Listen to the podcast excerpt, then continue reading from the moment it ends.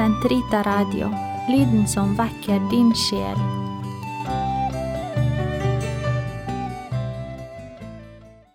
Den katolske kirkes katekisme, uke 41, torsdag 1544 til 1553. Kristi ene prestedømme. Alle forvarsler i den gamle pakts prestedømme fullbyrdes i Kristus Jesus, den ene mellommann mellom Gud og mennesker. 1. Timotius 2,5.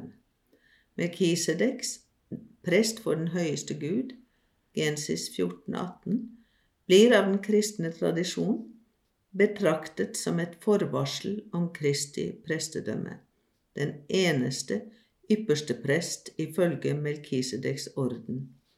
Hebreerne 5, 10, 6, 20. Hellig, uskyldig, ren. Hebreerne 7, 26. Han som med ett eneste offer for alt har for alltid ført dem som han helliger, til fullkommen frelse. Hebreerne 10,14, det vil si ved sitt ene offer på korset. Kristi sonoffer er enestående, fullbyrdet en gang for alle, og allikevel gjøres det nærværende i Kirkens eukaristiske offer. På samme måte forholder det seg med Kristi ene prestedømme. Det gjøres nærværende ved det ministerielle, tjenende prestedømme, uten at derved Kristi ene prestedømme forminskes. Kristus er derfor den eneste sanne prest, de andre er bare hans tjenere. To former for delaktighet i Kristi ene prestedømme. Kristus, ypperste prest og eneste mellommann, har gjort Kirken til et kongelig folk av prester for Gud sin Far. Åpenbaringen 1.6. Hele fellesskapet av troende er i seg selv prestelig. De troende utøver sitt dåpsprestedømme ved å ta del i Kristi sendelse. Han som er prest, profet og konge, alt etter personlig kall. Det er ved dåpens og fermingens sakramenter de troende blir viet til å utgjøre et hellig presteskap. Biskopenes og prestenes ministerielle eller hierarkiske prestedømme og alle troendes allmenne prestedømme er begge deltagelse, hver på sin særlige måte, i Kristi ene prestedømme. Men de er allikevel vesensforskjellige, samtidig som de er gjensidig rettet mot hverandre. På hvilken måte? Mens de troendes allmenne prestedømme virkeliggjøres i utfoldelsen av dåpens nåde, i et liv i tro, håp og kjærlighet, et liv etter Ånden, står det ministerielle prestedømmet til tjeneste på det allmenne prestedømmet. Det forholder seg til utfoldelsen av dåpens nåde i alle kristne. Det er ett av de midler Kristus benytter seg av for uten opphør å bygge og lede sin kirke. Det er derfor det videreføres ved et eget sakrament, ordinasjonssakramentet. I Kristi hodets person. I den ordinerte embetsbærers tjeneste for Kirken er det Kristus selv som er nærværende i sin kirke, som hode for legemet, hyrde for jorden, ypperste prest for soneofferet, sannhetens mester. Det er dette Kirken gir uttrykk for når den sier at presten, i kraft av ordinasjonssakramentet, handler in persona Christi capitis. Det er den samme prest, Kristus Jesus, hvis rolle presten i sannhet innehar. Siden han i sannhet er blitt gjort lik med ypperstepresten på grunn av den prestevielse han har mottatt, har han makt til å handle ved Kristi egen kraft og i Kristi egen person. Virtute ac persona ipsius Christi. Kristus er kilde til alt prestedømme.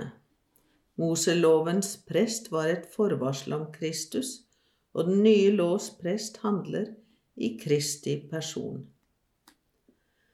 Ved den ordinerte tjeneste, særlig gjennom biskopenes og prestene, biskopene og prestene, blir Kristi nærvær som Kirkens overhode gjort synlig i de troendes midte. Som Sankt Ignatius av Antiokia så vakkert sier, er biskopen typos to patros. Han er som Gud Faders levende bilde. Kristi nærvær i embetsbæreren må ikke forstås som om denne var unndratt all menneskelig svakhet, herskesyke, feil, endog synd. Den hellige ånds kraft innestår ikke på samme måte for alt embetsbærerne gjør.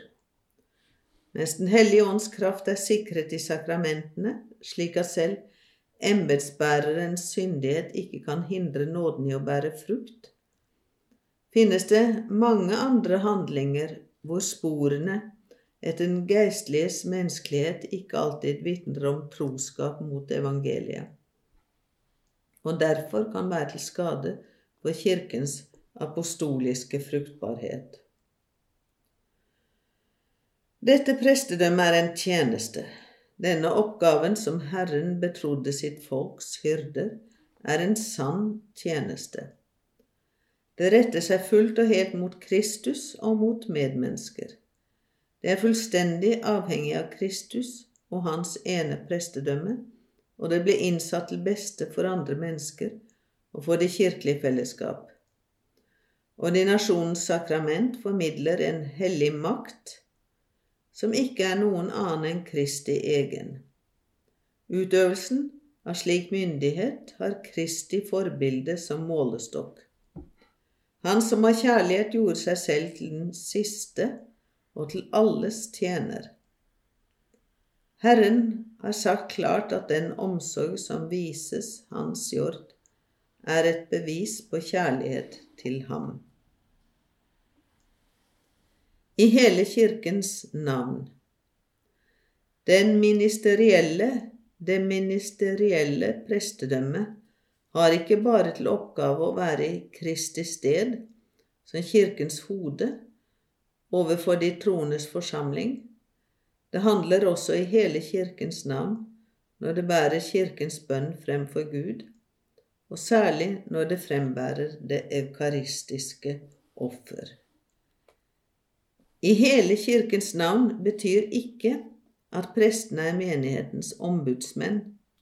Kirkens bønn og offergave kan ikke skilles fra Kristi, fra hodets bønn og offergave. Det dreier seg hele tiden om den kult Kristus selv utøver i og ved sin kirke.